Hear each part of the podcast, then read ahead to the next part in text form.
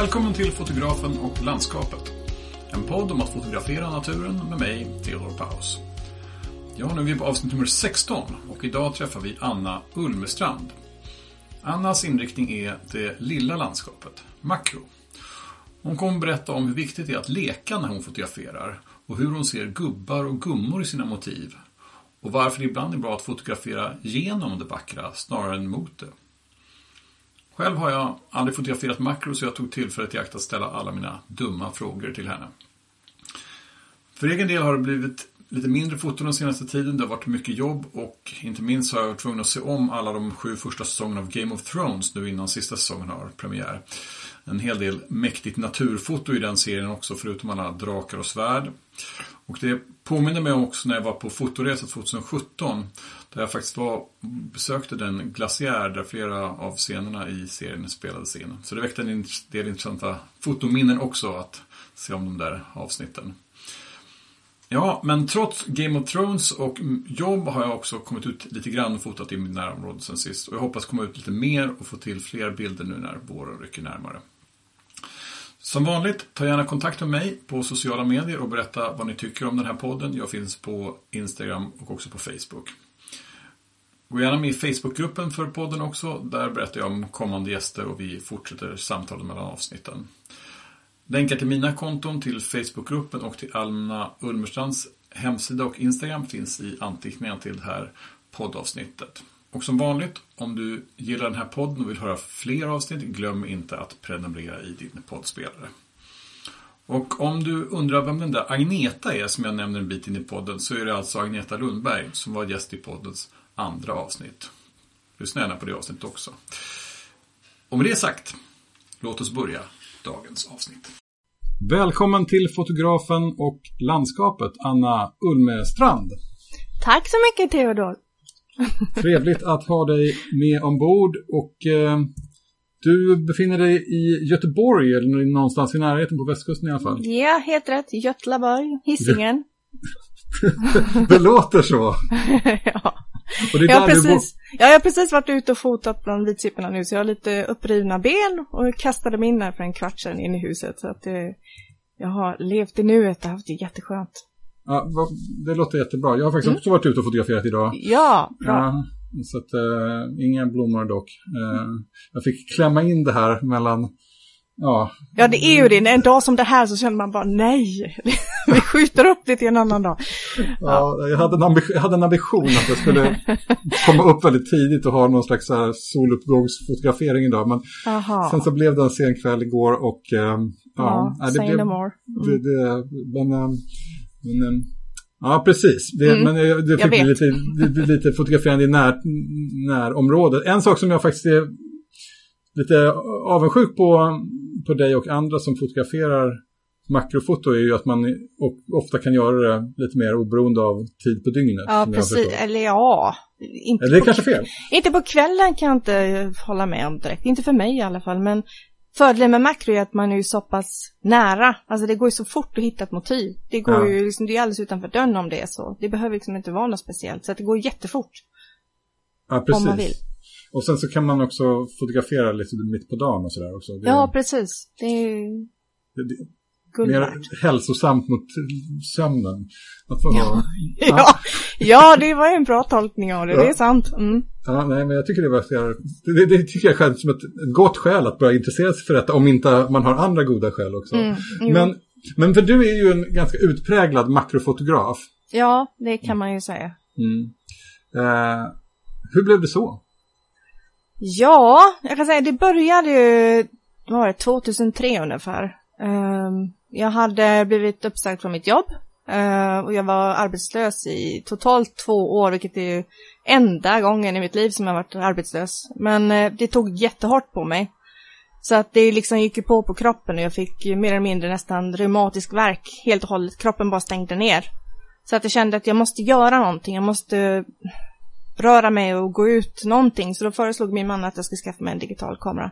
Jag har ju fotat sedan jag var 13 år, liksom jag har gått bildlinjen på gymnasiet där det är foto och, och konst och sånt där. Så att det är ju del av mitt liv. Men då i alla fall, 2003 så köpte jag min första digitalkamera och gick ut och fascinerades av allt som finns där ute. Och det började sakta, sakta släppa verken i kroppen. Och eh, det ena gav det andra och det tredje. Allt blev jättebra, jag fick jobb och hej och så körde jag på. Så jag fastnade där. det, var, det var förlösande helt enkelt. Ja men det var det. Det var precis det min kropp behövde. Liksom att okej, okay, sluta fokusera på problemen. Kör på. Bara glöm allt och kör på. Okej. Okay. Mm. Men du hade fotat innan? Ja, ja. Oh ja. Fast analogt då förstås. Just det. Mm. Så att om, man, om vi går tillbaka lite grann tillbaka i tiden, för alltid, mm. jag tycker det är alltid kul att höra vad som var motivationen från början. Liksom. Mm. Uh, jo, för makro var ju inte mitt, min grej innan. Jag menar, då var det ju liksom allt annat. Då var det ju landskap och då var det ju när barnen var små och svartvitt på dem och du vet sådär. Uh. Så att det var, makro fanns ju liksom inte riktigt i, i, i tanken då. Nej, okej. Okay. Nej. Men hur kom du på den tanken då? liksom vad... Nej men grejen är att jag är egentligen konstnär i, i själ och botten så att säga. Det var det som var mitt mål, det var det jag skulle bli, precis som min far, han är konstnär. Uh, nu blev det inte så, jag blev ju reklamare istället och jag skapar på dagarna i datorn istället. Uh, men just det där att få min egen kreativa lust liksom ut genom någonting, ut genom kameran. Det, är ju, det var så himla lätt när jag fick se det här jag blev introducerad av, av eh, en kollega som visade det här makrot för mig, Tamron 90 mm. Och så fick jag titta genom hans kamera in på ett glas, ett ölglas på bubblorna. Och jag blev ju helt såld, alltså jag tyckte det var helt fantastiskt vackert. Så jag bara kände att jag måste ju ha det här. Och sen när jag väl skaffade det Tamronet första gången på min, på min kamera då så, ja, då har jag haft det sedan dess. Jag har väl haft det nu i 15 år tror jag. Jag byter samma inte. Objektiv, samma objektiv? Nej, det har gått sönder flera gånger men jag köper samma, nytt hela tiden. Jag vill bara ha det. Okej. Okay. Jag är jättenöjd. Mm. Så det var liksom när du såg igenom det där... Eh, Ölet, ja. Sätt, mm. Det var ett ölglas, som, eller liksom bubblor i ett ölglas som fick det att öppna. Ja, men just det här korta skärpedjupet, det var precis som att hitta hem. För jag är extremt närsynt själv. Så att jag ser ju på det sättet om man tar av mig glasögonen. Det, det, det där är min värld liksom. Så jag du, kände att det är jag. Du, du, du, liksom, med glasögon plus objektiv, det är liksom likadant som utan glasögon utan objektiv? Ja, faktiskt. Okej. ja. ja, det låter bra. Men, mm. men, men ähm, så att det var det var i samband med den där liksom, sjukskrivningen som, som det... Ja, fast jag var inte sjukskriven, jag var bara arbetslös. Jaha, okej, okay, förlåt. Ja. ja sorry. Mm. ja, mm. jag försökte kämpa på att hitta jobb där, men det, det, det gick inte ett tag där. Mm. Men som sagt, två år. Sen, sen var det igång igen. Det. det. är lustigt att du, för att även, det, här, vi har pratat med, um, um, nu ska vi se här, um, Agneta som varit med på den tidigare avsnittet, mm. Eh, mm. hon har berättat en snarlik historia när hon var arbetslös och började plocka upp sin kamera och så, så liksom, um, uh, ja, så, så, så då, då, hennes foto började liksom med, med det då. Liksom. Så mm. det, det kanske finns flera som har en liknande... Jo, men det är ju verkligen läkande för själen. Det är ju som en terapi att gå ut med kameran och bara fokusera på en sak. Du kan ju inte tänka på något annat om du ska verkligen liksom hitta det här bilden med stort B. Och du måste ju röra på dig och klättra dig och bända dig i konstiga liksom, positioner med kroppen. Så att det är liksom som yogapass och mentalt liksom, ja, rengöring för hjärnan på samma gång. Så det, ja, ja, det, det är det bästa som kan liksom ske för en människa som mår dåligt och gå ut med kameran. Tycker Just jag. det. Och det verkar nästan vara ännu mer så om man fotograferar makro. Då måste man liksom kräla runt liksom på låg... Eh. Ja, det, för då får man verkligen vara barn på nytt och det är det som är så underbart. Jag menar just det där att bara liksom inte bry sig om vad folk tycker och tänker utan släng det på marken. Det är inga problem liksom. Och det är, jag är verkligen som ett stort barn själv så för mig är det helt underbart. Jag älskar det där och bara få vara tokig. Det låter bra. Men du, du, du, det här kreativa verkar ju vara en stor del av ditt liv överhuvudtaget. Du, ja. För att du, du började liksom med konstnärsambitioner och sen så har du liksom, för du jobbar liksom med, med ja vad gör du när du inte är jag jobbar ju på något som heter arkitektkopia idag, men det har varit Baldersson tidigare, det har varit eh, reklambyrå innan dess. Jag, jag började som 18-åring, efter, direkt efter gymnasiet så fick jag jobb. Eh, tre veckor efter gymnasiet ungefär, på reklambyrå. Sen fastnade jag där och var fast där. Tills då 2001, eh, fram till 2003. Då jag var den arbetslösa tiden här.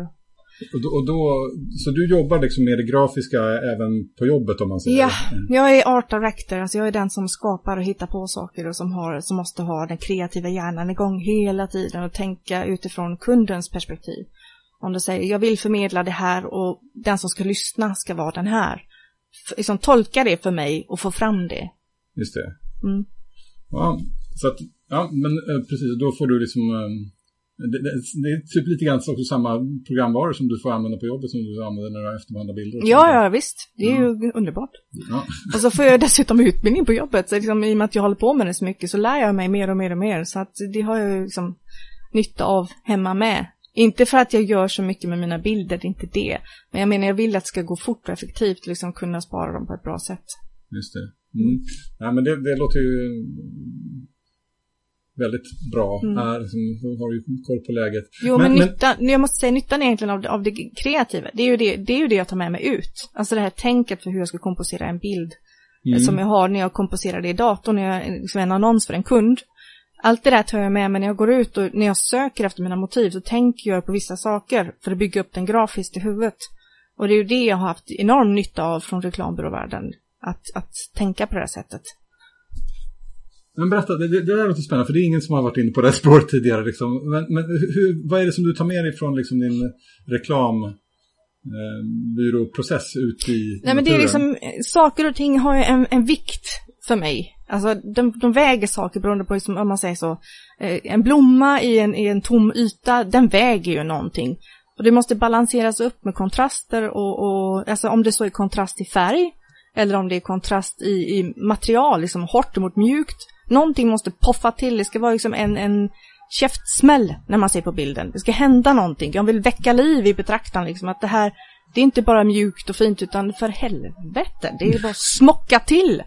Det ska vara någonting som får dem att vakna. Just det. Och gärna använda sin, sin egen fantasi och liksom tolka något mer i det.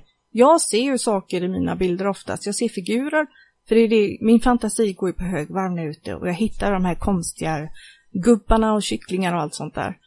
Um, och om jag kan lyckas förmedla det till någon annan att okej, okay, du ser inte på en tulpan utan du ser något annat, även om det är en tulpan som är redskapet, så vill jag liksom ändå att vi ska få fram något annat i det här. Mm.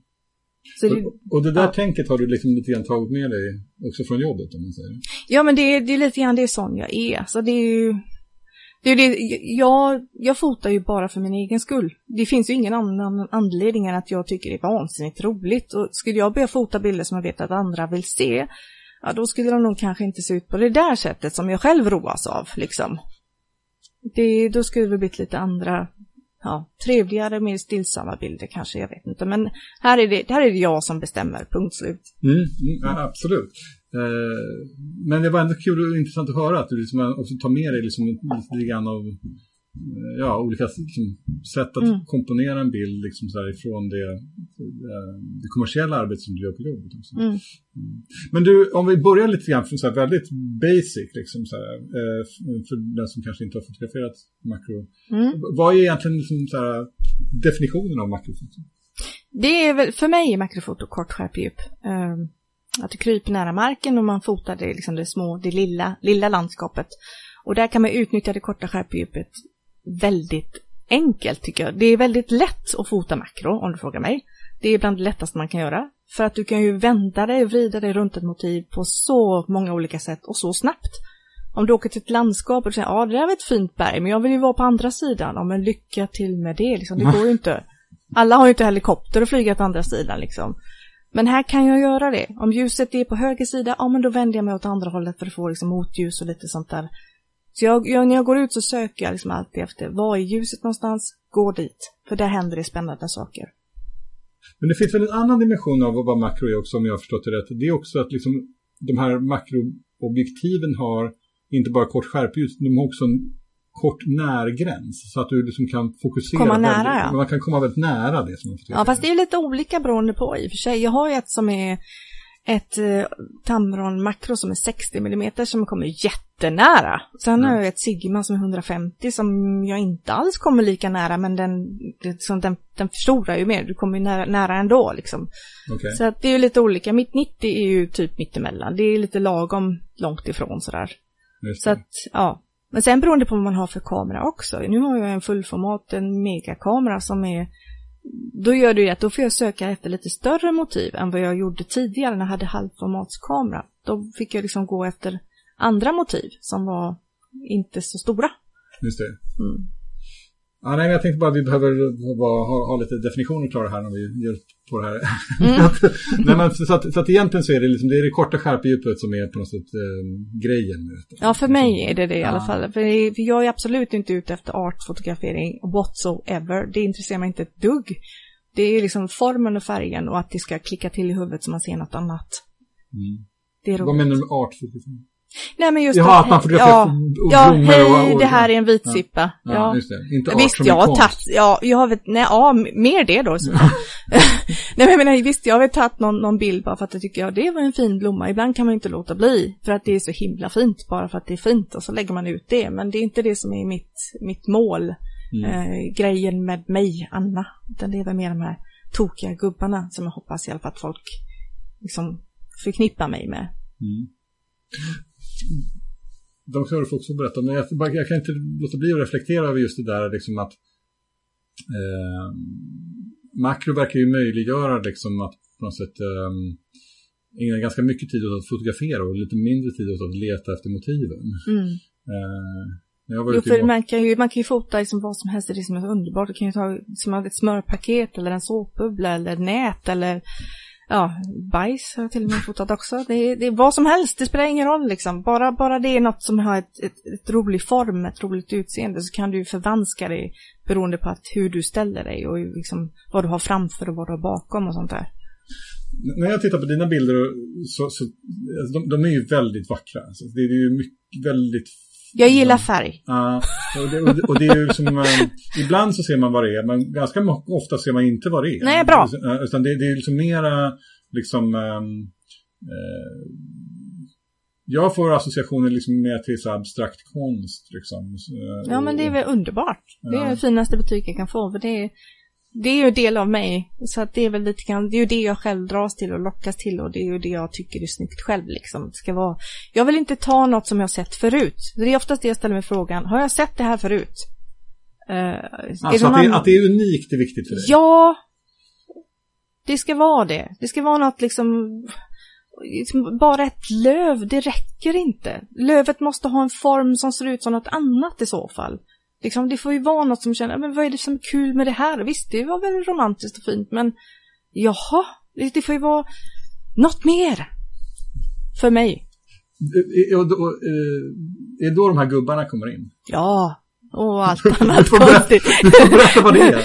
ja, men det, nej, men det är så att jag kan ju hitta, om det så är en, jag har ju hittat manetmannen och en isfågel och liksom sånt där. Och jag har ingen aning om var de här dyker upp. Men det finns så mycket i naturen som ser ut som något helt annat. Det kan vara erotiska bilder också. Mm. Men liksom, de, de där är ju väldigt lätta att hitta och de där erotiska, de har ju hängt med länge. De som, lite grann som Mapplethorps blommor och sådär. Ja, men det är ju så ja, löjligt. Jag tycker det var väl ingenting, men oj, oj, oj, vilket rabalder det skapade med de där bilderna. Ja, men just att få, få att jag, om jag ser något annat och så liksom inbjuder till folk till att, liksom, nej men gud, det är ett ansikte där, eller det, det är en lejon, eller att de själv liksom, och då måste jag oftast skriva en liten, alltså till exempel på Instagram då, det är där jag oftast lägger upp mina nya bilder att jag skriver till någonting, Lejonmannen eller ja, någonting för att få dem Ah, du hjälper eh, Ja, men det är inte alltid att, att det är inte alltid att folk ser det jag ser. Och ibland ser de något helt annat. Det är helt underbart det med, för då får man en dialog där att liksom, ja, men jag ser det här, säger de. Och då ser inte jag det. Så då Nej. får man liksom förklara, varför, varför ser du den där då? Liksom, ja, att man liksom kan se något mer än bara en vacker tulpan, liksom att det blir en annan dimension i det. Vi men leker det... ihop liksom. Men är det så du letar efter motiv? Alltså du letar efter saker som ser ut som någonting annat än vad Nej. du föreställer? Nej. Hur gör du då? Nej men jag går ut, jag, jag söker efter kontraster. Det är egentligen det som är mitt A och O. Eh, till exempel eh, orange höstlöv mot en kallblå bakgrund. Finns det kontraster så finns det oftast någonting att leka med där. Det är liksom det är ett perfekt liksom ursprungsplan för ett makro. Um, för då, då finns det någonting som man kan liksom, om man söker med det så flyttar skärpedjupet genom de här löven fram och tillbaks. Så har man tur ibland så dyker det upp någonting. Tycker att de väntat nu, det där såg ut som någonting. Och så, och så, så hittar man, jag har ju oftast ingen aning var de här är någonstans. Eller vad jag ska hitta för något, jag vet inte. Det är skattjakt varje gång. Det är som att gå ut och leta efter kantareller. Ibland finns de, ibland finns de inte. Just det, så att det, det, det, det får bli lite grann vad det blir. Ja, precis. Det är ju lyxen man har liksom som, eh, som fritidsfotograf, att man får fota precis vad man har lust med. Ja, precis, men jag, jag tänker om man fotograferar ett, ett, större landskap då har man kanske en lite tydligare idé om vad det skulle kunna bli när man åker Ja, dit, men oftast liksom. har det ju betalat massa pengar att åka dit också. Ja. Så då vill du ju verkligen ha den här bilden av Jukkasjärva eller vad det nu är du är någonstans. Det är ju rätt viktigt, det förstår jag ju. Men för mig spelar det ingen roll, jag kan ju gå ut imorgon igen och kolla i diket om det finns något nytt där liksom. Så vart, vart, vart, mm, vart tar du vägen? När du lämnar ja, huset? Jag, jag går alla fem meter in i skogen. Är det, så? Det, det, är, det är ofta nära där du bor? Ja, ja, ja, men jag har inte tid. Det är ju det, jag jobbar ju så himla mycket. Jag har ett ansvarsfullt liksom, jobb och jag, jag jobbar extremt mycket på mitt jobb. Och Okej. lägger väldigt mycket energi där. Så att det är liksom bara att okej, fem minuter hit, fem minuter dit, som idag, liksom 20 minuter innan vi pratades till exempel. Och det får gå Ja, fort. du har precis kommit in nu? Ja, ja. Jag har fortfarande gräs på benen. Okej, ja, ja. Det är seriöst. Bra. Nej, men det är ju för att få lite frisk luft och känna liksom att man är ett med naturen. Det är det. Men berätta, hur, hur ser arbetsprocessen ut? Liksom? Finns det någon form av förberedelse eller någon form av tanke att nu ska jag ta mig till det här stället och hoppas få se det här? Eller? Nej, jag kan säga att jag har försökt någon gång. Jag tänkte att när det var så jättefint, eh, du vet, varmt rosa ljus, en solnedgång, tänkte jag, åh, det här, nu, nu skulle jag fota de här liljekonvaljerna, det blir säkert jättefint. Så åkte jag dit och gjorde det och det blev bara skit alltihop. Så jag inser att det där är inget för mig, jag kan inte planera. Jag måste vara liksom spontan och leva i nuet och så bara vara kreativ med det som finns. Det är ungefär som att om jag har ett vitt papper och en penna och så någon liksom säger, ja men gör något nu då. Och så gör jag det. För det är, liksom, det ju det som är lite roligt, att hjärnan måste få bli kreativ och tänka själv och inte få det serverat på guldfat, utan jag måste få skapa, alltså se det i naturen och hitta de här skumma, ja, sakerna. Mm. Och då, då är det liksom inte minst kontrast där som du, som du letar efter liksom när du kommer till Ja, det är oftast de som är kompassen till vad det finns. För att där kontraster finns, där finns det liksom eh, 3D-känsla, där finns det liv, där finns det möjlighet till något som kan bli mer. Det Okej. får inte vara för platt så att säga. Det, måste, det kan som sagt det vara kontrast i ljus eller färg eller form eller vad som helst. Just det, för det var en annan sak som jag tänkt på när jag tittar på dina bilder också. Att en del av dem är ju, där har man den här liksom, korta skärpedjupet som ju också ger ett, en känsla av djup i en bild. Ja, precis. bara- ja, men men i, en del bilder är ju liksom mera som, mera platta i sin Mm. karaktär liksom. Och, Mm. och, och, som, ehm, Men då är det ju mer någonting jag vill att visa just i den formen, att till exempel om det nu är undervattens eller sådana här inga eh, sådana här rakt ner i en vattenpöl till exempel. Det, Ja. det, kan, det, det, det, är meningen att där ska man få med allting för att få en bild av de här konstiga figurerna i vattnet. just det. Så det, det är var, var sak har ju sin plats, alltså, det beror på. Det, jag, kan, jag kan öka skärpdjupet med, men det är roligare men när det är väldigt kort tycker jag, för då, då ger det liksom mer det här, att, verkligen som att ett, ett landskap, fast ett litet landskap. Just det. Camilla Noresson som var med tidigare avsnitt av, av Mm. podden, hon, eh, pratade, hon fotograferade också makro och eh, pratade lite grann. Hon var ju inte minst inne på just det här med liksom hur det öppnas upp ett, ett, lands, ett eget litet landskap liksom, Mm. man tittar så nära. Liksom. Jo, men det är helt rätt, jag håller helt med. Det är ju så. Och det, det här landskapet kan ju förvandlas på så många olika sätt också, just tack vare att det är, det är så litet. Det är ju det som är... Man har sån makt över det. Jämfört med ett stort landskap. Så det är ju helt beroende på liksom att, som sagt, hur det blåser, hur, hur solen är och var jag är placerad. Och är det något, är det någon stor buske, ja du, du kan inte gå ner och såga ner den. Det går ju liksom inte, men jag kan, i det lilla världen kan jag lätt hålla undan ett blad, till exempel om det stör. Ja, Det, det är så lätt att, att få fram det man vill. just det. Och, du, och du jobbar liksom, eh, utan stativ och så. Du Ja. som krallar runt med kameran i handen. Ja, precis. Och därför kan jag ju inte ha automatisk fokus heller, utan jag måste ju ha manuell fokus. Speciellt om man fotar igenom massa löv och gräs och sånt framför, som jag vet att Camilla också gör. För jag menar, för att få fram de här roliga effekterna, i, i, som är målande effekterna, då måste ju bakgrund och förgrund gifta sig med varandra. För det är ju de som får fram de här liksom, mönstren. Okej. Ehm, och för att få fram de här mönstren och för att få fram den här perfekta skärpan på objektet som ligger mitt emellan. Jag menar, då kan jag ju inte ha automatisk fokus, för då, då riktar den in sig på det första den ser, kameran, vilket Nej. är gräset längst fram. Så det är ju bara glöm det. Det måste vara manuell fokus. Just det. Så, så då... Um, när man inte har stativ då, då är man ju beroende av att det finns lite ljus att jobba med. Ja, precis. Just därför jag helst inte vill gå ut för sent, utan det, det ska ju vara hyfsat. Just den här kameran jag har nu, en Canon EOS 5D SR, eh, är ju väldigt, eh, ja, det, är ju som, ju, ju större de här och maffigare kamerorna i, desto längre slutartid måste jag ha, eller kortare slutartid måste jag ha för att kunna klara av det. Jag, jag hade ju en 350 först, Canon. Och där kunde jag fota på en 60 sekund på frihand. Sen gick jag upp till 400 och då var det en 125 sekund. Och nu är det max en 250 sekund som jag kan fota på frihand utan att det blir alltså suddigt då. Så Okej. jag, jag håller ju koll på det där att det får inte bra vara för lång tid. Jag måste ju ha tillräckligt med ljus eller öka isot så att jag kan få de här slutartiderna. Just det. Eh, och, och det är ungefär där som du vill ligga på de där slutartiderna? eller? Jo, men det har jag en jäkla koll på. Att det får Mm. inte vara för, för långt liksom. För då vet jag att det är kört. Om man zoomar in så ser jag det. att Nej, det blev, det blev suddigt ja. Så att det, Just det. jag Och- tar- Och, du vill att det ska vara skarpt? Ja, jätteskarpt måste, ja, men skärpan måste sitta exakt där, där fokus är. Det får liksom inte vara någon millimeter framför eller bakom. Det ska vara exakt där, där händelseförloppet är på pistillen eller vad det nu än är som jag sätter skärpan på. Men ibland kan det vara att skärpan ska vara fel för att få fram en figur. Men jag menar, det måste ju ändå vara rätt, även om det är rätt på fel sätt. om du förstår. Ja, jag tror, jag tror men, men, men, det, men det blir väl känsligare ändå liksom. Alltså det, om man har så kort skärpedjup då måste man ju verkligen, verkligen sätta den där skärpan. Ja, liksom, man får ju inte andas fel. Det är ju det. Mm. Du får ju lägga av andas under ett antal sekunder liksom, bara för att få... Men jag kör ju på. Alltså hittar jag ett motiv som är superbra, då tar jag ju inte ett kort, utan då tar jag kanske 50. Jag tar 5-10 stycken och sen stänger jag av och kollar. Sitter det? Ska jag ändra något? Och sen kör jag på utav helsike bara för att se liksom att okej, något blir ju bra. Jag stämmer av under tiden och tittar. Är det så superbra så kan, förlåter jag mig inte om det inte sitter. Nej.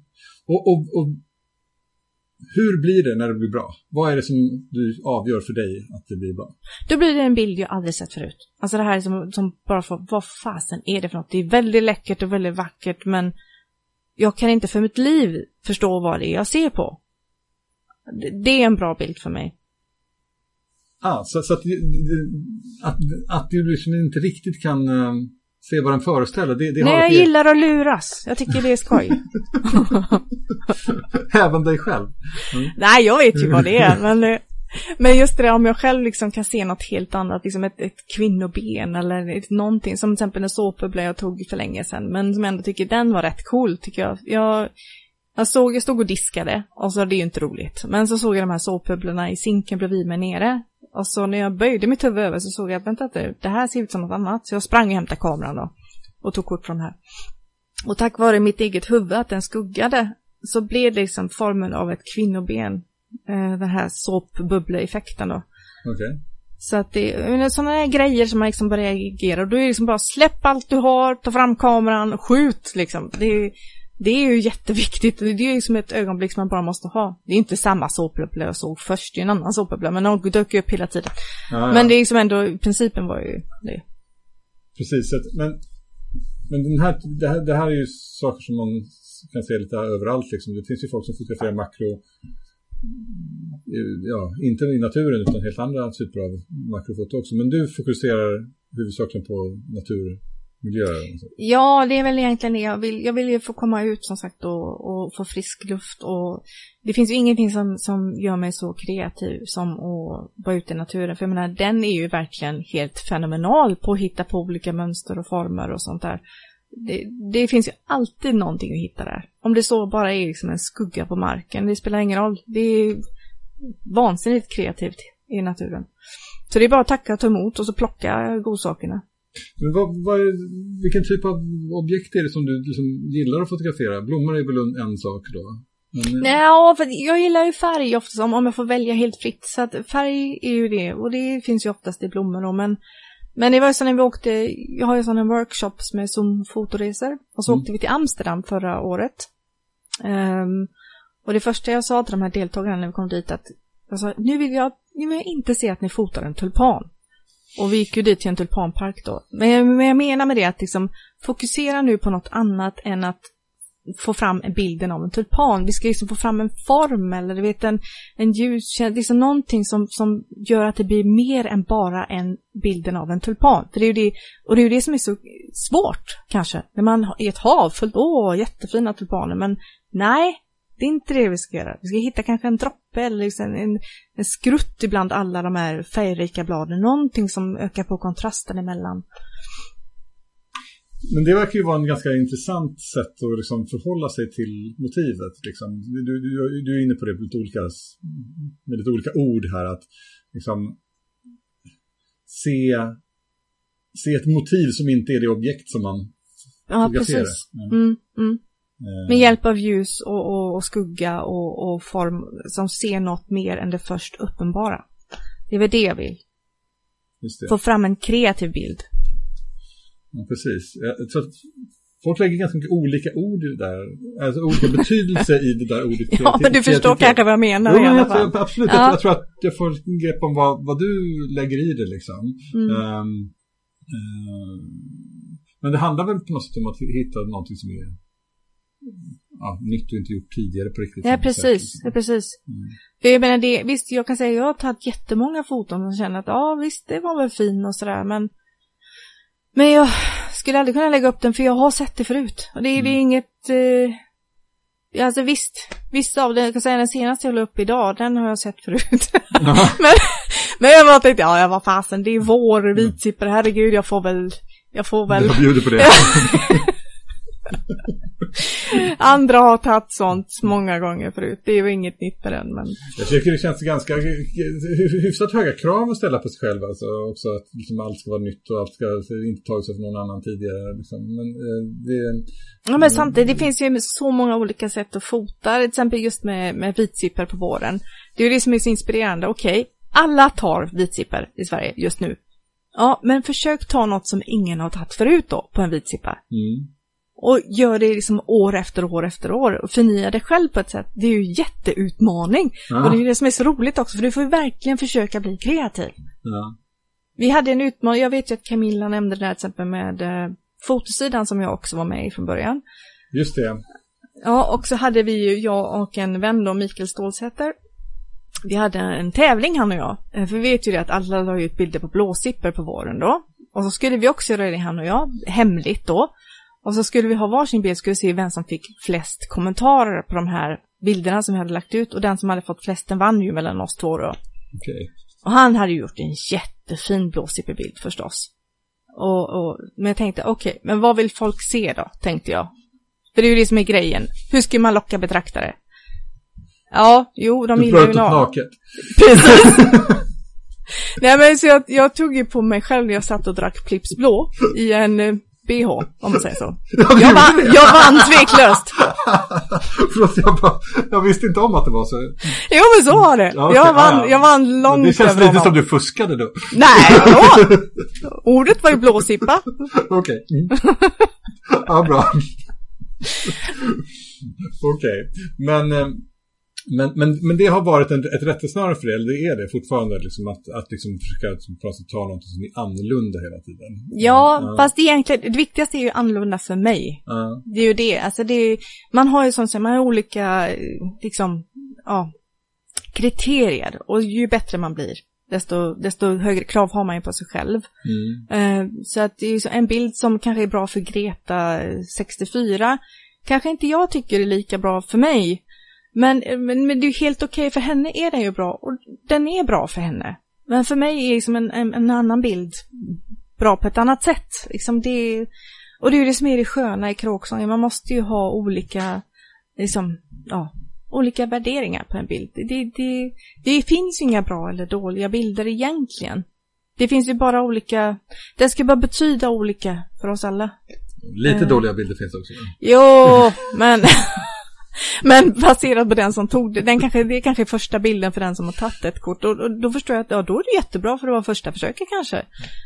Ja, nej, absolut. Det, det, det, det är en filosofisk fråga det där, om liksom, det finns bra eller dåligt. Men ehm, Ja men samtidigt, det är ju bara avbildning av naturen. Det är ju mm. bara en blott blek kopia. Vad ska vi komma här och säga? Liksom, den är ju som liksom, kråkorna som, som klagar över vem som sitter på grenen. Skitsamma, grenen är inte min ändå. Det är ju någon annan som har skapat grenen. Vi bara tittar på den. Mm. Det, det är tolkningar alltihop. Du har hållit på ett, på ett tag nu och det, alltså, på, på, din hemsida har du en lång lista över alla olika liksom, tillfällen du har fått visa upp dina bilder. Mm. Eh, och du, som du var inne på tidigare så, så har du kör du ju workshops för zonfotoresor också. Mm. Eh, men hur viktigt har det varit för dig att liksom visa upp ditt, det, det, du gör? Du har, jag tror inte, du har nämnt ganska många gånger här, du lägger upp dina bilder, de som du känner tillräckligt bra och sådär. Som, mm. eh, Nej, men inte alls egentligen faktiskt. Det är, för målet är ju inte egentligen att bli någon. Det har det aldrig varit. Um, för, men det, det, är alltid roligt att prata med någon och liksom se just det där, vad ser du? Och jag ser det här. Alltså, du vet, det är ju det som är roligt. Men för om man tänker, okej, okay, vad vill jag bli då när jag blir stor? Jag vill du bli lyckad? Ja, men jag vet ju att ingen kommer att betala mig pengar för att jag ligger i, i diket och kravlar. Det, det gör de inte, så att det kan jag glömma på en gång. Det händer inte. Um, så att, men jag tycker bara det är roligt att få vara social och prata med folk. Uh, och sen så, jag tycker det är roligt att leka. Och det är det jag gör när jag är ute i naturen och, och låtsas att jag är Robin Hood eller vad det är för någonting och hoppar över grenar och sen tar jag ett kort på vägen och så, du vet, det är ju det där. Och så får jag ut det kreativa. Mm. Så att jag, nej, men det har bara blivit så. För folk har frågat mig om jag vill göra det här och jag tänker att ja, kan vi, kan vi prova på. Och så har det liksom bara rullat på det ena efter det andra efter tredje. Var det så du började köra också? Ja, faktiskt. Det var inte jag som ringde och frågade, hej, kan jag få göra mm. det här? Det, var ju de som, jag blev tillfrågad. Det, ja, precis. Mm.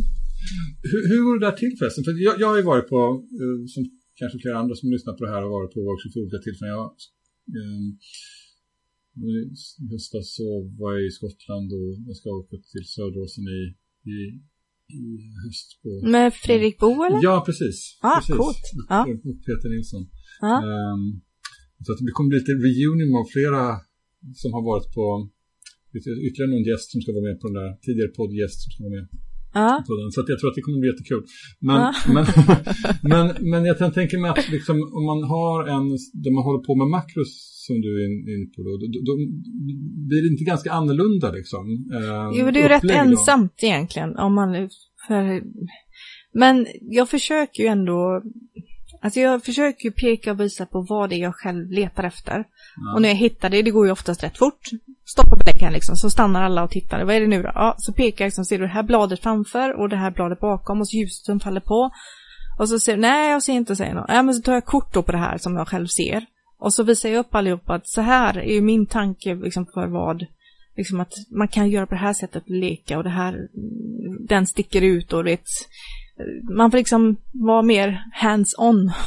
Du får, det blir lite grann att du demonstrerar hur man kan fotografera. Ja, ja precis. För det går ju liksom inte, alla kan ju inte smyga ihop och titta på samma lilla håla liksom, det går ju inte. Mm. Men vi går ju alltid runt i grupp först och så visar jag då liksom hur jag tänker och vad det är jag tittar på och fastnar för. Um, och sen så är det liksom om, då går jag ju runt med de som vill att jag ska vara med. Och så, så, så behöver de ju hjälp liksom när de säger tar de kanske skjortor och säger det här funkar inte riktigt. Så säger jag, nej men okej, men gör så här istället om du ställer dig, eh, för jag tror att det här är för nära till exempel blomman som är före, den stör för mycket. Du måste liksom hitta något som, där den är längre ifrån. Mm. Eller det är någonting som är, jag ser ju direkt vad det är för något som inte riktigt funkar. Jag förstår ju vad de menar. Okej. Okay. Mm. Vad, vad, brukar vara det som främsta som folk lär sig på den? På mina kurser? Ja. Ja men det är väl det att tänka utanför boxen, att inte vara så jädra fyrkantig. Du måste inte, liksom, bara för att en blomma är vacker så måste du inte eh, backa ut och låta blomman liksom ta en fjärdedel av bilden, utan man kan fota igenom den här blomman, även om den är vacker så kan du ha den som en, liksom en, du behöver inte se den alls. Den kan liksom vara bara förgrundsblurr som sen istället fokuserar på den här skrutten bakom då som i kontrast till det här mjuka fina framför liksom bara får du smocka till. Mm. Det blir något annat, en annan unik makrobild så att säga. Precis. För min bild av makro, eller min upplevelse av makro är att blurret är, är väldigt viktigt. Ja, fast det är ju det i kontrast till det skarpa då. Det, är ju det, det måste ju vara skärpa för att få, annars blir det bara en suddig bild. Det måste verkligen vara superskärpa där den är. Det är de här kontrasterna som verkligen får det att poppa till i bilden. Ja. På det sättet är det ju ganska likt sådana här äh, foto med, äh, med medvetna kamerarörelser. Mm, ja, jo, fast skärpan är väl inte så mycket där i och för sig. Jo, men det, jag kan inte så mycket om det där, men, men, men både jag Erik, tänker på Erik Malm. Ja, Erik mm. Malm som, som var först ut i den här podden och eh, Eh, han gjorde en stor poäng av det. Liksom, att mm. Eh, det, det, är viktigt att det finns någonting skarpt. Liksom, mm. För att det är liksom i kontrasten mellan det skarpa och det som är det suddiga som blir suddigt för att man har rört på kameran. Mm, det är mm. där liksom på något sätt. Så att, eh, det verkar finnas lite grann en, en, en ja, liknande filosofi där på något sätt. Jo, men det kan man ju förstå i och för sig. För jag menar, man vill ju inte... Då är det lättare att bara ta ett glas vin så man ser allting suddigt istället. Det, liksom det, eh, det, det, måste ju vara något som man inte förlorar förståndet. Man förstår, okej, okay, här ska du titta. Peka på den här. Här är händelseförloppet. Där skärpan är. Liksom, mm. Det andra är ju fint, men, men fokusera på det här. Mm. För det är liksom som förstoringsglas på en enda grej. Att man vill visa att det här är grejen. Mm. Och då är det väldigt lätt att luras också, just som jag är inne på, att man kan ju faktiskt fokusera på något helt annat. Uh, ja. Finns det några andra liksom, så här, särskilda kompositionsregler om man säger? En, att, att det ska finnas någonting skarpt och att det ska finnas en del som är suddigt. Liksom, det är väl en, mm. en regel eller vad man ska säga, eller en filosofi. Mm. Liksom. Har, har, du några andra så här, det här vill jag, tänker jag alltid på när jag försöker fotografera? Nej men det är ju lite olika beroende på vad det är för något, alltså vad det är för förutsättningar som finns. Men just det här med eh, gärna några större, bredare kvistar eller något i bakgrunden och färgrika liksom blad, någonting för att få det som gifter sig med förgrunden för att få de här målande effekterna, nästan som någon har kladdat med oljefärg på. Eh, de blir då suddiga på ett sätt som Mm. Ja, och just jag tycker just Tamronen, med objektivet Tamron, makroobjektivet, det har en förmåga att liksom, det, det gör det lite, lite felaktigt. Men inte alls så som de här eh, tyska Meyer Görlitz objektiven som är så populära nu, som gör allting helt galet. Um, men det är lite, lite grann, lite kreativt och jag tycker det är tillräckligt för att jag ska vara nöjd med den här tokiga oskärpan som blir. Det blir inte helt perfekt oskärp, utan det blir lite halvkoko oskärpa. Så här spelar objektiven rätt stor roll, liksom inte bara för hur skarpt och, så det blir, utan liksom, även liksom, utrustningen spelar roll för hur den här bouqueten liksom blir. Liksom. Ja, jag, tror, jag, jag, tycker de är lite olika sinsemellan. Jag har prövat på lite olika. Jag gick till en affär och tänkte nu ska jag unna mig det bästa makroobjektivet som finns här nu.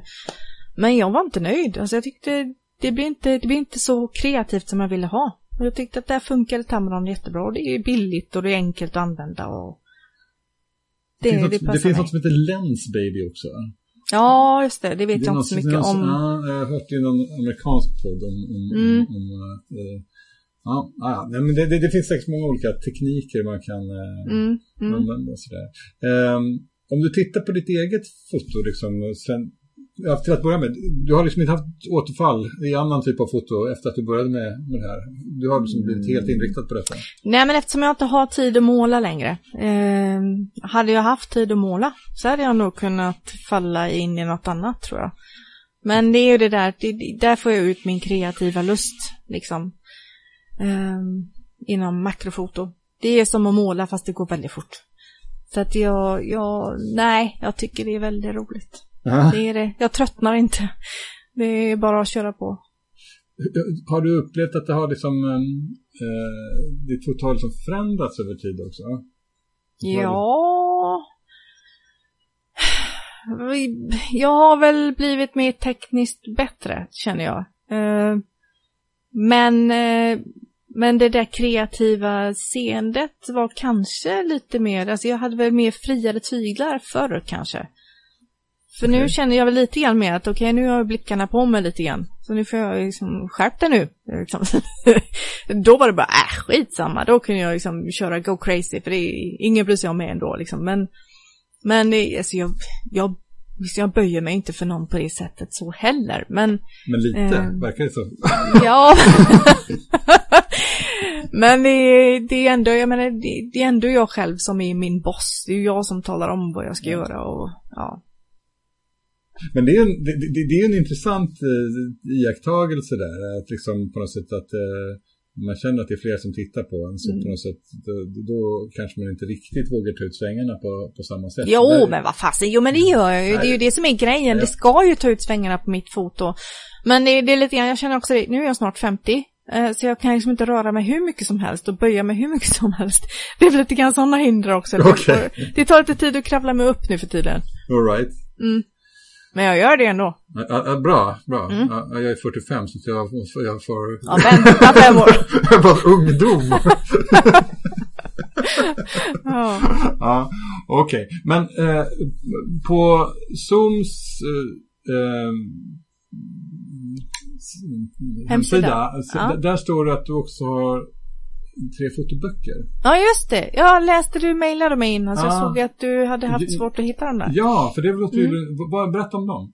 Ja, men det, alltså, det är ju jag själv bara som har gjort. Eh, I och med att jag håller på med reklam så tycker jag det är roligt och jag älskar ju att skriva berättelser också och sånt där.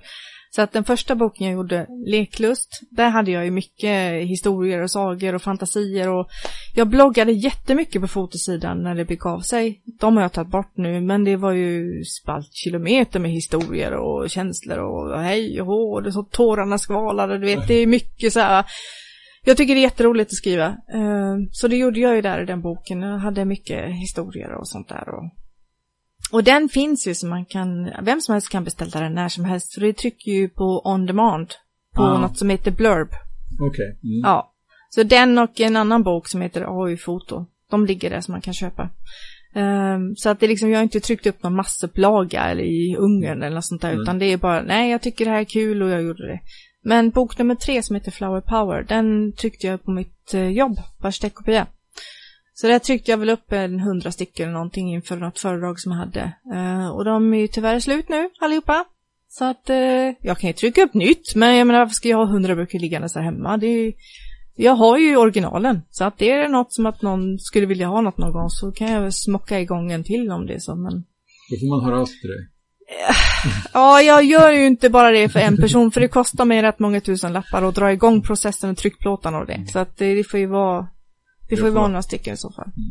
Nej, men jag tycker alltid det är kul att få liksom, bidra till att böcker blir köpta och lästa och tittade i. Mm. Liksom, så att vi lägger in länkar ja, vi kan prata sen om hur, mm. vad man kan få tag på. De finns här. under About alla fall, där du var inne och kollade. Ah, de ska okay, finnas där. Förlåt, för jag litade på din hemsida men jag tittade för dåligt då. Men då, vi, lägger in, vi, lägger, vi lägger in länkar till dem där man kan hitta dina fotoböcker. Ja, så att ja, men gör så. de ska mm. uppmärksammas ordentligt. Ha, har du några liksom, um, projekt annars så? Eller är det så att du jobbar liksom, um, försöker du bara komma ut när du tillfälle ges? Eller jobbar du liksom ja. mot ett projekt av något slag? Nej, tyvärr alltså eftersom det är, eftersom jag har så mycket jobb som jag har på, på mitt vanliga, så är det bara med liksom att hålla huvudet ovanför vattenytan och liksom andas. Eh, och det är ju det jag gör när jag fotograferar.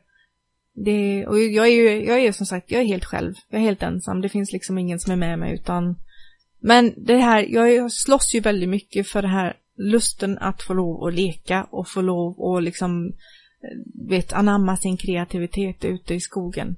Det är så befriande och jag önskar verkligen att många, många fler vågar sig på att göra det. Att eh, man får testa sig fram och liksom våga lite mer. Det, det är okej. Okay. Om du förstår.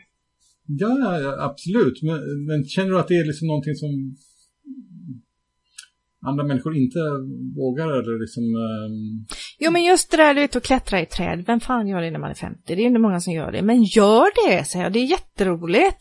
Och liksom hänga i berg och sånt där, det är, det är ju det som är själva grejen. Du vet, man ska känna det är inget bra fotoäventyr om jag inte har känt att jag nästan är på väg att dö. Det ska vara något som jag känner att shit, det ska liksom på väg att lossna under fötterna på mig eller jag måste våga någonting för att känna liksom att det har gett mig, hjärtat ska rusa. Det ska vara något. Okej. Okay. Ja. Det, det, finns ju en fantastisk bild på Astrid Lindgren när hon klättrar i träd. Ja, men det är ju underbart. det, det, är ju helt fantastiskt. Mer sånt säger jag. Det ska vara roligt, det ska vara livsglädje att gå ut liksom. Passion. Jag var, jag var i, eh, eh när det var i höstas, eller våras, ja, glömt bort. Eh, jag var på Astrid Lindgrens värld. Eh, mm. Eller, eller, i Vimmerby där, där finns ett Astrid Lindgren museum också. Där ja, döden, döden, döden, döden, eller? När hon pratar med sin syster så sa de alltid det i telefonen. Så de hade avklarat det. det var... Nej, det missade jag faktiskt. Men det finns en skojig film när det är hon och en annan äldre dam eh, som har klättrat upp i ett träd. Och så, så blir de filmade. och så sitter de där och pratar om att det är inte så vanligt. Jag kan inte återge hur hon pratar. Nej, nej, men, typ, men det är ja. inte så vanligt att gamla tanter klättrar i träd. Men det tycker jag man borde göra mer. Ja, det är jättehärligt. Ja, men, men, men så det är lite grann den typen av uh, bröstet lekfullhet som du är ute efter. Då, ja, ja, ja, visst. Ja. Men problemet för mig är att jag har alldeles för bra fantasi för mitt eget bästa. Så jag går och skrämmer upp mig själv när jag går i skogen. Okej. Okay. Alltså, för jag, jag, nu är jag ju med i Naturfotograferna och sådär, men jag är livrädd för att det ska komma en grävling och bita mig och, eller ett vildsvin och stånga mig eller någonting. Och i mitt huvud så är ju de överallt. Och de är på väg att ta mig när som helst. Så att vet jag, jag målar upp värsta skräckhistorien i mitt inre och det är, samtidigt är det som är lite roligt också. För att liksom man vet, jag har, jag har stött på en grävling en gång och jag har hört vildsvin en annan gång. Men eh, de har inte gjort mig någonting. De blir lika rädda som jag blir. Men det är ändå just det att det ska vara liksom lite spänning när man går ut. Wow, wow, tänk vad som dyker upp här och, ja, och sådär. Ja. Nej, alltså... Um jag, jag, när jag sa de här om um, att det ska kännas som att man nästan ska dö så jag, jag, jag misstänkte att du menar i lite så här bildlig bemärkelse. Liksom, så här, ja, jag försöker nej, inte ta eh, livet av mig ute. Nej, det är inte nej, men så. Jag har ju varit med om lite olika, alltså, jag kan tänka mig att det kanske är annorlunda när man fotograferar makro, att då kan man vara i liksom, lite mer kontrollerade miljöer också. Men, mm. eh, jag tycker att när jag har varit ute så har det ju ofta så är man ju på som är mig själv på liksom, ganska avlägsna platser och ofta vid liksom, tider på dygnet där det kanske inte är optimalt att vara där ur ett mm. säkerhetsperspektiv. Liksom, där. Att, eh, och jag varit lite farligt. Ja, men lite så. Någon mm. gång så här, tänker jag, bryter jag benet här så någon, kommer någon upptäcka mig någon gång näst, imorgon i bästa fall. Ja, ja, ja visst. uh, um, så att, um... Nej men jag har liknande grej. Jag brukar åka till något som heter Surte när jag känner att okej okay, men nu vill jag inte skämma ut mig här i min hemmiljö utan nu åker jag lite grann på andra sidan älven här då. Okay. Och Surte är ju inget ställe som folk åker till utan det är lite mer, uh, ja, sådär. De, men grejen är att de har nämligen några dammar som ligger högst uppe på berget, sådana sjöar som liksom förbinds mellan olika forsar då emellan. Och där har jag hittat verkligen ett litet guldställe som heter Baddammen. Där, mm. där runt omkring springer jag och, och fotar. Och det forsar ju ner från den här dammen då, ner på ett berg. Och där på vintern så blir det ju fantastiska isformationer på den här bergsslänten då. Och där brukar jag kravla då på vintern förstås. Och händer det något att jag slinter och åker ner för det här inga 5-6 meters berget så är jag ju körd på riktigt. För det finns ju ingen täckning där heller på telefonen. Mm. Så att det är ju riktigt sådär lurigt och det vet jag ju. Men just det får ju hjärtat att rusa något våldsamt också. Och när jag själv vet att jag ansträngt mig så till en milda grad för att få liksom en, en liten droppe i en is, vet. Ja. Det är ju ingen som vet hur jag har kämpat för det här, men det är ändå det, är ju det som liksom gör bilden så mycket mer för mig. Ja. Att man har gjort något verkligen. Ja, jag blev, jag blev översköljd. Jag fotograferade på Gran Canaria för ja, två år sedan eller nu. Mm. Och, blev, och det var ett fantastiskt eh, klippig kust där och det var jättestora dramatiska vågor. Men då blev mm. jag träffad av en våg.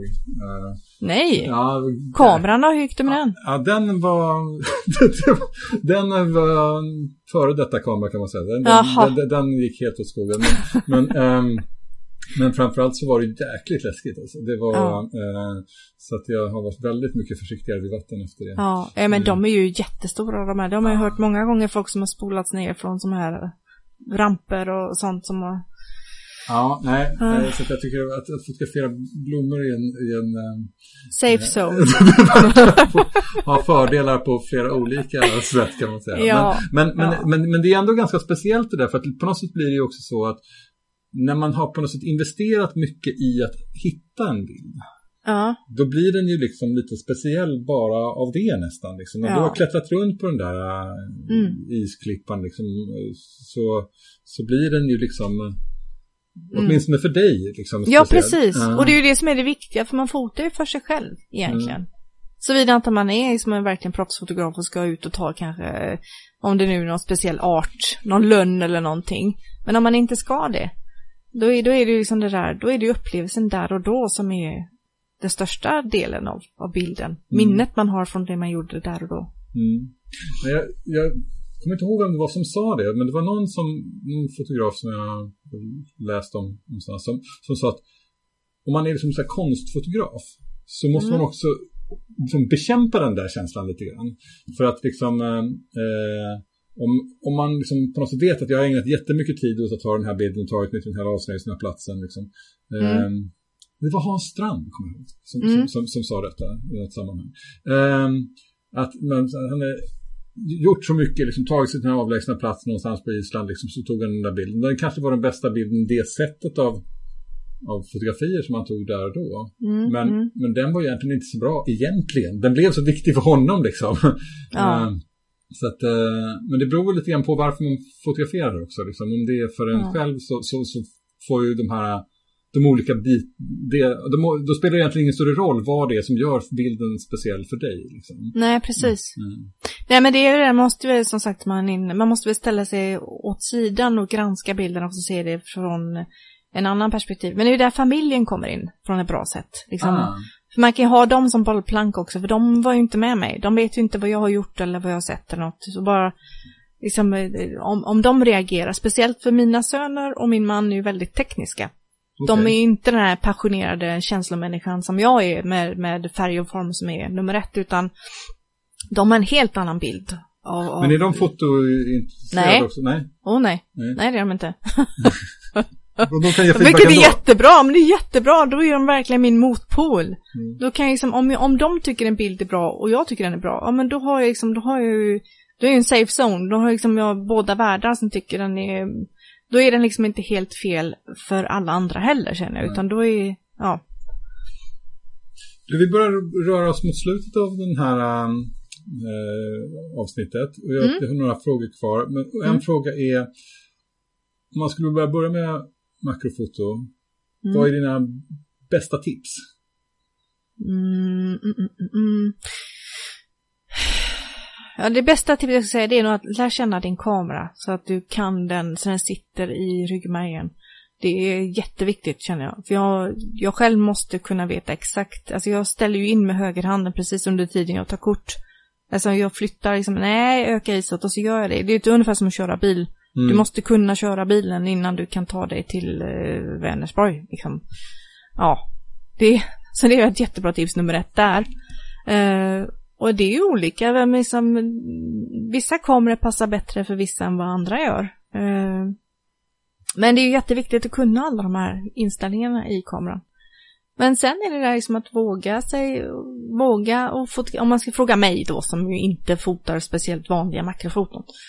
Så tycker jag att man ska våga och eh, ja, inte ta det först uppenbara. Liksom, använd den här vackra blomman och ha den som huvud, liksom, fota igenom den istället. Liksom, använd den som en färgkludd istället. Ha, ha maffiga färger som, som liksom bara försvinner ut framför. Alltså måla med färg Mm. och sånt där. Bra tips. Ehm, Ja, inte vet jag, det är något i alla fall. ehm, sista fråga. Har du några tips på andra fotografer som skulle kunna vara passa Mm. för den här podden i framtiden? Mm, jo men det tror jag nog att jag har. Eh, jag har ju sett eh, lite grann på vilka som jag har varit innan, så de är inga idéer att nämna, även om Hans Strand är min big time favor number one. Men jag tycker definitivt att ni borde prata med, eller du borde prata med Tom Svensson, eh, som är ju bevarande fotograf. Med, mm. Jag vet ju att du inte är så mycket med djur och sånt men han fotar ju annat också. Och Mats Andersson så är ju jättefräck med sina svartvita kreativa dubbelexponeringar och bilder från Island och han har ju mycket känslor och sånt där. Um, han ställer ja. ut nu va? Ja, så, jo, han är mycket i ropet. Ja. han gör mycket och det händer mycket runt omkring honom. Uh, sen så är ju Elisabeth Landberg, tycker jag är väldigt annorlunda bilder. Ja, det är ju kul om man får lite grann från olika genrer. Så man inte tar samma hela tiden. Nej, men hon är lite, hon, just nu håller jag, såg jag hon lagt ut tranbilder med dubbelexponeringar, lite sådana här konstnärliga också. Som är lite sköna. Mm. Annars är ju Jan Töbe och Tore Hagman också Big Time Fair. Sen så älskar jag undervattensfoto, så jag är ju verkligen efter de här Tobias Dalin och Magnus Lundberg och de här. Ja, men det är ju verkligen, det är ju de jag tittar på när jag är ute. Det är, det är mycket landskap under vatten och sånt där och mikrofoto och sånt där. Det är ju sånt som jag fascineras jättemycket av att titta på. Visst, på din hemsida har du också en hel lång lista med dina inspirationskällor eller tips. Eh, att, eh, ja, fast de kanske är lite gamla. Är de lite gamla? Ja, det får bli anledning för dig att uppdatera din hemsida. ja, jag får göra det nu. nu kommer det välla in människor till din hemsida. Ja, men jag, jag försöker ha tittat någon gång tror jag, så jag tänkte att fast den här länken funkar ju inte. Liksom att det är sådana som jag haft sen fotosidan då, som ah, inte okay. finns kvar längre. Ah, ja, mm. Men jag ska gå igenom dem, ja, jag lovar. Igenom ja. ja. Stort tack för att du var med idag. Tack så mycket för att du pratade med mig.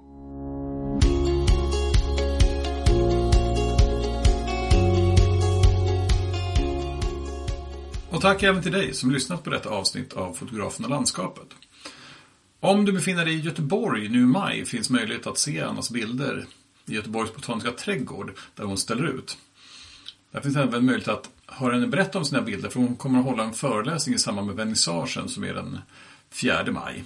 Utställningen pågår från 29 april till 1 juni.